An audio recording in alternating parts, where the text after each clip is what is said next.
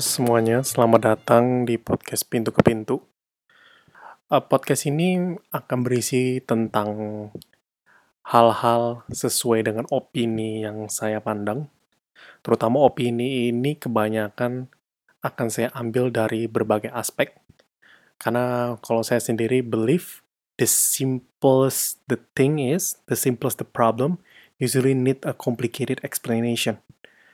Dan biasanya itu will take ages jadi sesuatu yang kelihatan bener-bener simple di luar, pasti di balik layar sangat-sangat ruwet, sangat-sangat ribet. Uh, Oke, okay, pertama-tama gue pengen memperkenalkan diri gue dulu. Uh, perkenalkan nama gue Kevin. Uh, gue dulu pernah mengenyam pendidikan di luar negeri selama lima tahun di Australia tepatnya. Uh, bekerja juga di sana sambil bekerja dan semuanya dan akhirnya gue pulang. Untuk sekarang gue kesibukannya uh, punya bisnis sendiri, entrepreneur. Uh, basically itu juga major gue. Yang pas gue di Australia sana, gue Bachelor of Entrepreneurship. Is kinda like a new thing di Australia sendiri. Terutama bagi negara yang tingkat entrepreneurship cukup rendah. Jadi kebanyakan dari mereka itu adalah employee. Um, dan itu sudah mereka lakukan di dalam kultur mereka for ages. Makanya kenapa entrepreneurship diciptakan di Australia itu cuma it just happen kayak jarang banget ada international student yang benar-benar mau bayar. Dan mereka berpikir pengalaman entrepreneurship. Karena mereka berpikir kayak bakal kerja apa? Pekerjaan apa yang gue lakukan nantinya? Apa yang membuat gue bisa stay di Australia? Hmm, beberapa dari mereka berpikir untuk stay di luar negeri. I mean like gue tepatnya ada di kota Melbourne dan kota Melbourne itu adalah kota the most livable city in the world for couple of years straight. Uh, situasinya adalah di situ anak-anak biasanya mengenyam pendidikan sambil berliburan. Yang gua masuk liburan di sini adalah seperti kalau misalnya lo mau liburan ke luar negeri, macam ke US dan sebagainya, ya kan? Nah, mereka itu biasa tuh require lo tuh tuh supaya punya kayak uang yang cukup di dalam tabungan lu untuk membuktikan kalau lo itu tuh tidak akan stay di Aus di Australia atau di US supaya lo itu nggak mencari pekerjaan atau pengen tinggal di situ. Kalau basically di negara lu adalah lu unemployed gitu loh. Jadi kayak jadi escape ke negara yang lebih maju. Kalau misalnya gue mungkin gue cukup beruntung waktu itu uh, kebetulan my parents itu bisa support gue tapi gue ada temen di situ yang basically parentsnya itu tuh nggak bisa support selalu dan kadang-kadang tuh dia mengalami kesulitan. Dan kalau dia sampai fail atau satu unit atau dua unit itu udah kayak ruin almost whole semester man karena dia nggak ada duit buat cover itu. Dia nggak ada duit buat memang menutup lagi biaya tersebut. Ya kan? Itu membuat dia kayak harus bekerja dan semuanya. Cuma there's a problem with it. Yang pengen gue bahas sekarang adalah mentality scholarship? Jelas orang yang pantas untuk mendapatkan pendidikan terbaik adalah orang yang benar-benar memang tertarik dengan bidang tersebut. Dia benar-benar ya memang mau belajar gitu loh. Ya kan orang-orang yang pintar ini kan kita dilihat dari nilai dan semuanya.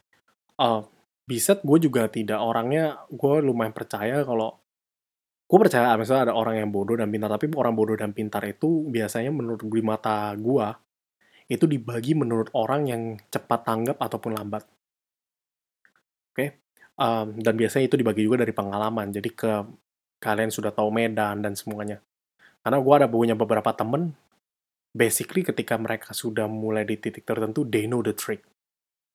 Mereka udah tahu gimana cara mereka belajar mereka udah tahu gimana cara pola ulangan ya jadi mereka kayak prepare like pro gitu.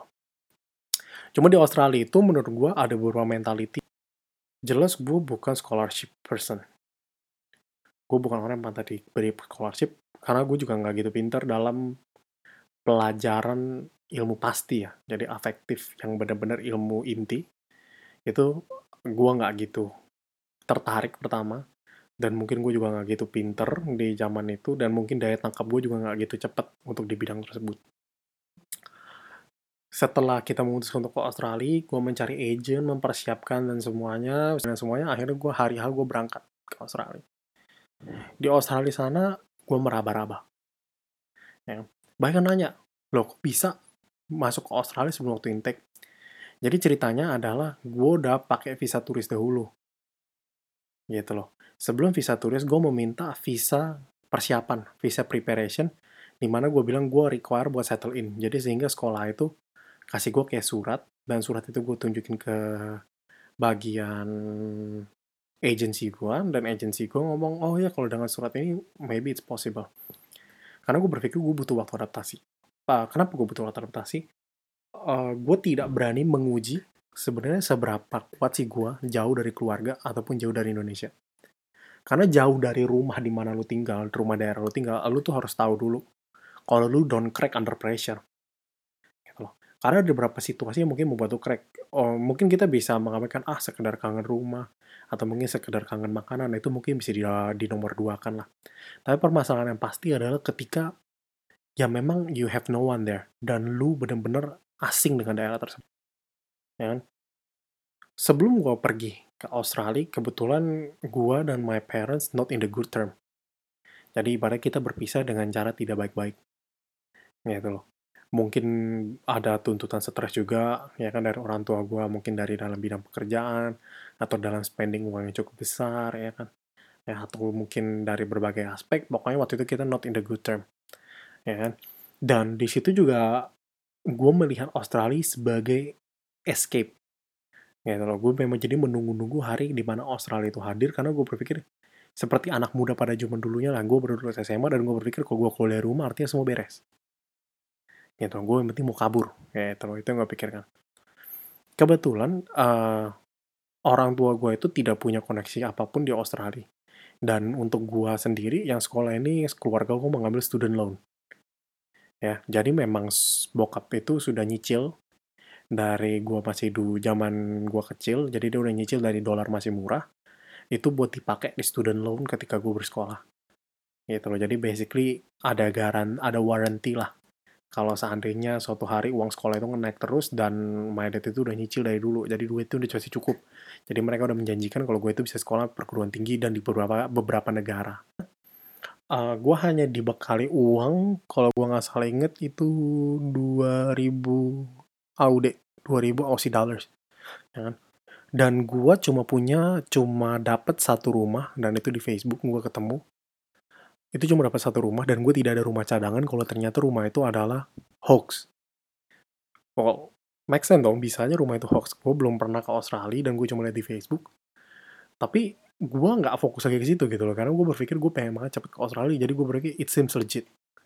Gue nggak transfer uang apa apa ya kan? Tapi ternyata rumahnya susah banget diketemuin.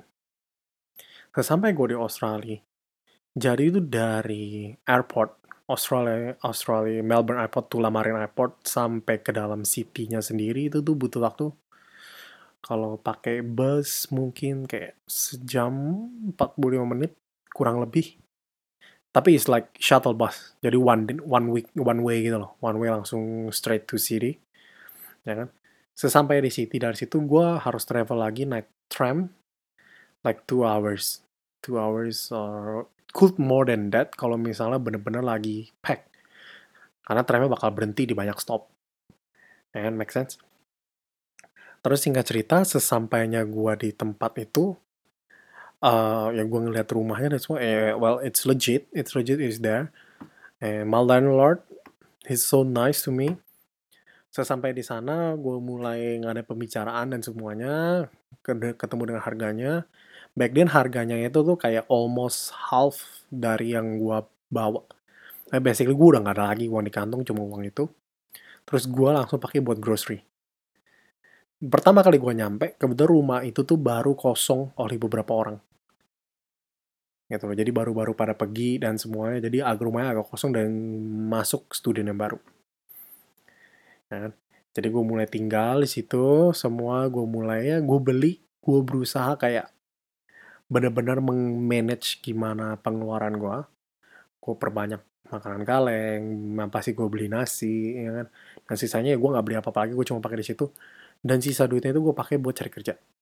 Jadi gue ngeprint uh, ngeprint CV dan semuanya bikin CV abal-abalan ya kan? terus bagi aja. Di hari kedua atau hari ketiga gue sampai situ hari gue udah mulai cari kerja. Gue pergi ke city lagi balik ya kan gue bawa sekitar 70 atau 80 CV tapi bentuk selebaran gitu. Gue masuk ke 80 toko dan gue ngomong gue tidak akan pulang sebelum ini habis. That kind of mentality itu benar-benar memaksa gue. Cuma di saat itu gue mungkin agak karena gue not in the good term with my parents dan gue juga tahu gue tidak mau minta gitu ya. Jadi kan basically kan my dad yang support untuk biaya hidup, tapi gue nggak mau minta karena gue not in the good term gitu loh. Kayak ada permasalahan yang di mana membuat gue oh enggak deh gue bisa sendiri dengan uang itu. Jadi uang itu gue pakai sedemikian rupa sampai tiba-tiba emang dasar beruntung gue dapet satu panggilan kerja. Kerjaan pertama gue adalah jadi cleaner bersih-bersih ya kan? Itu kebetulan ada temen gue yang merekomendasikan gue ya itu loh teman gue yang ada di rumah itu kebetulan juga kerja ternyata di tempat itu dan dia merekomendasikan gue gitu untuk gue masuk kerja. Dan gue berpikir oh well setelah gue bagi-bagi dan gue belajar banyak paling nggak ada teman yang bantu gue untuk gue masuk. Gue masuk kerja pertama itu uh, agak canggung karena nggak biasa ya kan? Dan gue merasa gue dapet kerja itu langsung di bagian yang mungkin bisa dibilang agak berbeda ya. Jadi waktu itu gue dikasih kerjaan itu di bagian toilet kerjanya tuh malam banget mulainya. Jadi kadang-kadang kita bisa mulai kayak hari Jumat itu lebih dulu. Itu sekitar jam 8, ya, sekitar jam 8 atau 7.30 kita udah bisa mulai. Jadi mereka udah udah mulai pulang duluan karena mungkin hari Jumat kan kantor-kantor pulang lebih awal ya. Cuma tuh sampahnya parah banget karena mereka minum-minum kan. Jadi botol-botol belingnya itu banyak banget. Kita harus sibuk angkat, buang dan semuanya dan kadang-kadang itu bahaya karena bisa aja botol itu pecah tapi tidak terbuang ke tong sampah. Ya, jadi untuk kita tuh yang suka buang botol beling pecah kalau bisa dibungkus tisu dulu atau dibungkus kardus atau kertas gitu loh ya. Karena bisa nyakitin orang yang buang sampah. Ya memang seharusnya kita buang sampah lebih hati-hati sih. Cuma uh, kita namanya buang sampah kan kita kerja bukan cuma satu atau dua jadi kita lengah gitu loh kita lengah kayak mungkin kadang-kadang kita ngambil sekaligus tong sampah banyak kan 5, 6, 7, 8 kadang-kadang sampai total tong sampah nggak tahu ada berapa. Mungkin satu kantor termasuk kecil-kecil 20, 30 tong sampah kali lebih. Jadi nggak bisa juga kalau misalnya semuanya gitu loh. Terus setelah kita mulai ke toilet habis itu mulai dulu ke toilet. Jadi mulai ke toilet mulai bersih-bersih kita bersihin berapa toilet di situ. Dan terus ya udah. Akhirnya kita bisa pulang habis itu biasanya udah jam 1 jam 2 dan itu ada 4 lantai. Detail untuk kerjanya lagi nanti gue bakal cerita lagi di podcast berikutnya. Jadi untuk yang pekerjaan-pekerjaan lain inti dari sedikit cerita dan pengalaman gue tadi adalah gue pengen kasih tahu the right mentality kalau memang lo mau sekolah ke luar negeri. Ya mentality yang bagus pasti juga butuh karena ketika lo menghadapi orang asing yang which is sering ditinggikan daripada kita jadi mereka seperti tuan rumah di tempat tersebut dan bahkan mereka selalu beragak tuan rumah walaupun bukan di rumah mereka sendiri. Contoh kayak orang Australia di Bali kita semua tahu kan mereka seperti apa cukup liar cukup hair cukup party animal dan semuanya. The right mentality dan tegas terhadap diri sendiri itu penting. Kita harus kuat dari sisi mental teguh dari sisi pendirian. Kita boleh mengadaptasi westernisasi tapi tidak sampai boleh jati diri kita itu terkikis oleh westernisasi yang bahkan kita tidak sadari. Contoh, gue waktu itu juga ada teman-teman yang kayak kerja banyak bareng sama gue ya, tapi duitnya itu kebanyakan habis bukan untuk biaya hidup atau bukan buat nabung, tapi habis buat party. Oke, okay? mereka habis buat party, buat beli minum, buat beli alkohol. Well, yes, alcohol is cheaper than that. So cheap, cheaper in there, jadi kayak you can afford it mungkin kayak milk tea, kayak bubble tea di sini. Tapi still, alkohol is alkohol. Nggak mungkin itu lebih murah daripada air putih. Ya kan? Sebuah role yang datang ketika kamu memiliki a good mentality adalah leadership akan diri sendiri dahulu. Dalam leadership itu akan muncul yang namanya kemampuan manajemen. Inti dari manajemen keuangan pertama itu efektif dan efisiensi. Dan tersier itu tidak pernah ada di dalam itu selalu primer dan sekunder first. Tersier itu adalah cheat day, man. Jadi itu di luar dari pemasukan kamu. Memenuhi kebutuhan tersier, harus kebutuhan tersier itu tidak boleh sampai mencakupi dari pemasukan primer kamu. Pemasukan primer itu sebenarnya? Pemasukan primer itu menurut aku gaji pokok. Gaji pokok kamu itu tidak boleh sampai terpakai untuk urusan tersier. Jadi, urusan tersier kita bayar pakai apa? Urusan tersier menurut aku itu kamu harus bayar dari melalui passive income. Contoh, bisa aja kamu bermain saham. Bermain saham itu yang paling kering, paling sering lah. Atau investasi di berbagai barang yang mungkin menurut kamu itu hobi. Ya kan? Di Indonesia mungkin beberapa orang bisa investasi di elektronik, maybe. Aku nggak tahu, banyak orang juga yang kayak kolektor-kolektor barang antik, dan itu bisa dijual lagi dengan harga yang cukup mahal. Bagi beberapa orang ada di action figure, ya kan? Action figure bagi beberapa orang kan mungkin cuma sekedar mainan biasa, but yes, they making money, some, and they make it a lot. Um, terus mungkin beberapa ada di ya baju, sepatu, I don't know, name it. Passive income itu harus membutuhkan kebutuhan tersier. Lalu untuk membeli kebutuhan tersier pertama itu gimana?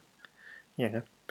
Kebutuhan tersier pertama itu harus dari sisa setelah primer dan sekunder dipenuhi. Contoh, kamu tidak akan mungkin bisa membutuhkan kebutuhan tersier kalau kamu pergi minum-minum itu di tanggal 15, tanggal 16, karena itu tengah bulan.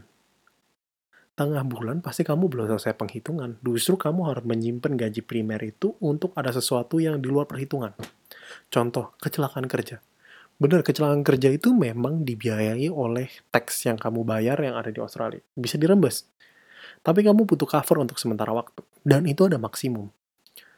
Untung kebetulan gue cukup hoki, cukup beruntung, gue belum pernah ada kecelakaan kerja yang bener-bener sampai require gue harus take that money.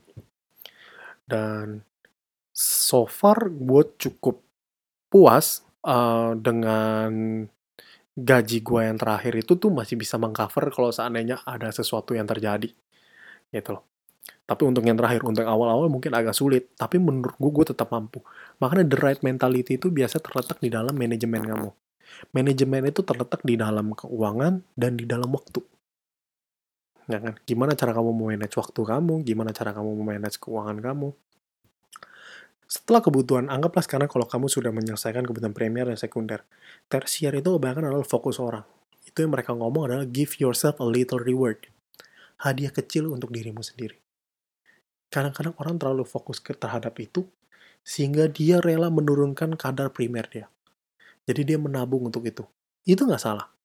Itu nggak salah. Beberapa orang melakukan itu, tips and trick dalam situasi seperti itu, itu kebebasan semua orang ya kan? Ada orang yang rela kayak sambil diet makan cuma sehari sekali atau sehari dua kali. Bukan seperti itu. Tapi when the times come ketika kamu membeli barang tersier itu kalau dulu ketika saya belajar di sekolah ada yang namanya buying behavior. Di situ kita ada satu tahap lagi sebelum kita melakukan purchasing. Itu adalah seeking for alternative. Di seeking for alternative itu kita bakal bertanya lagi pada diri kita. Apa kita harus beli terkadang kan ada orang yang sebel ya kayak ah nanya-nanya doang pengen-pengen doang tapi nggak dibeli. Tapi sebenarnya kalau kita lihat di buying behavior pembelajaran pola pola manusia dalam mengerjakan hal seperti itu pola manusia dalam melakukan purchasing behavior seperti itu sudah dipelajari oleh manusia dari zaman dahulu. Jadi nggak masalah tuh buat yang namanya batalin walaupun kamu sudah nabung sebisa kamu untuk barang tersier itu yang kamu cita-citakan tapi kamu batalin sekarang itu nggak ada salahnya. Karena memang human emotion itu kan memang bermain up and down ya kan? Dan itulah kenapa ada namanya barang seasonal dan ada off season. Jadi jangan pernah takut untuk batal. Yang tersier tersier lebih baik ditunda dahulu. Gitu loh. Mungkin sampai kamu benar-benar stable. Ya kan bukan berarti tersier kamu nggak boleh beli baju, bukan berarti kayak tersier tidak boleh beli tas sampai harus bawa barang pakai kantong plastik atau kresek. Atau mungkin kamu ke sekolah SM ke sekolah SMP, SMA pakai baju SD ya, nggak perlu sampai begitu juga. Hiduplah selayaknya dan sewajarnya. Terus dalam manajemen waktu. Jadi kalau misalnya waktunya terlalu senggang, biasanya mereka nggak ngerti cara manajemen waktu. Ya kan? Jadi ketika nanti ada sesuatu yang off balance, off schedule, mereka sudah mulai bingung. Waduh, gimana cara kita memanage dan sering banget clash. Ya kan? Itu biasanya ada di orang-orang pekerja. Dulu saya ingat, uh, saya pernah dikasih tahu bos saya, dulu pas kerja, bos saya sering ngomong, "Ketika kamu muda, ya kan, kamu punya segala waktu di dunia, tapi kamu nggak punya uang. Tapi ketika kamu udah tua, kamu punya uang, masalahnya kamu udah nggak punya waktu." Itu semua depends. Makanya kenapa ada orang bilang namanya golden age. Setelah saya mendengarkan dia dan ngikutin beberapa bos lainnya, saya sadar ada yang namanya yang paling penting adalah hidup balance. Hidup balance benar, tapi balance itu bukan berarti kamu yang ngatur the balance ya. Karena manusia itu fragile, man. Balance kita kebanyakan itu kita selalu lebih condong ke hal yang enak dan melupakan hal yang gak enak. Kalau menurut saya, selalu menangkap pola pikir jika sesuatu terlalu mudah untuk didapatkan, berarti ada sesuatu yang tidak benar di baliknya. Sometimes the easiest part is usually have the worst symptom. Gitu. Itu yang harus kita hindari. Gitu. Kalau saya memang selalu terbiasa untuk mengambil jalur yang paling sulit. Kayak gitu loh. Tidak mau menggampangkan sesuatu. Lebih baik prepare for the worst. Gitu loh. Daripada kita prepare buat yang gampang, ternyata parah. Gitu. Dan menurut saya manajemen yang baik dan bisa memanage semuanya dengan tegas dan kita disiplin dalam menjalankannya itu the right mentality untuk kita mengarungi hidup. Karena kalau kamu bisa jujur ke diri sendiri, kamu bisa have the right mentality ke diri sendiri, rasanya tidak akan susah kalau kamu punya right mentality ke orang lain. Ketika kamu nanti punya keluarga, atau kamu mungkin jadi pemimpin di sebuah perusahaan, atau memimpin di sebuah anggaplah ya di sebuah toko atau mungkin di sebuah tim atau di sebuah kelompok masyarakat. Menurut saya dua opini kamu yang penting bisa manajemen itu sudah cukup baik. Karena sebenarnya tuh kamu tanpa harus benar-benar hebat dalam berbisnis atau jualan kamu benar-benar laku. Hanya dengan manajemen yang baik tuh kamu actually making money loh. Gitu loh kamu dengan organizing yang baik, kamu jadi bisa tahu yang mana harusnya keluar duluan, yang mana harusnya tidak keluar duluan, yang mana yang harusnya kehilangan, yang mana harusnya tidak kehilangan.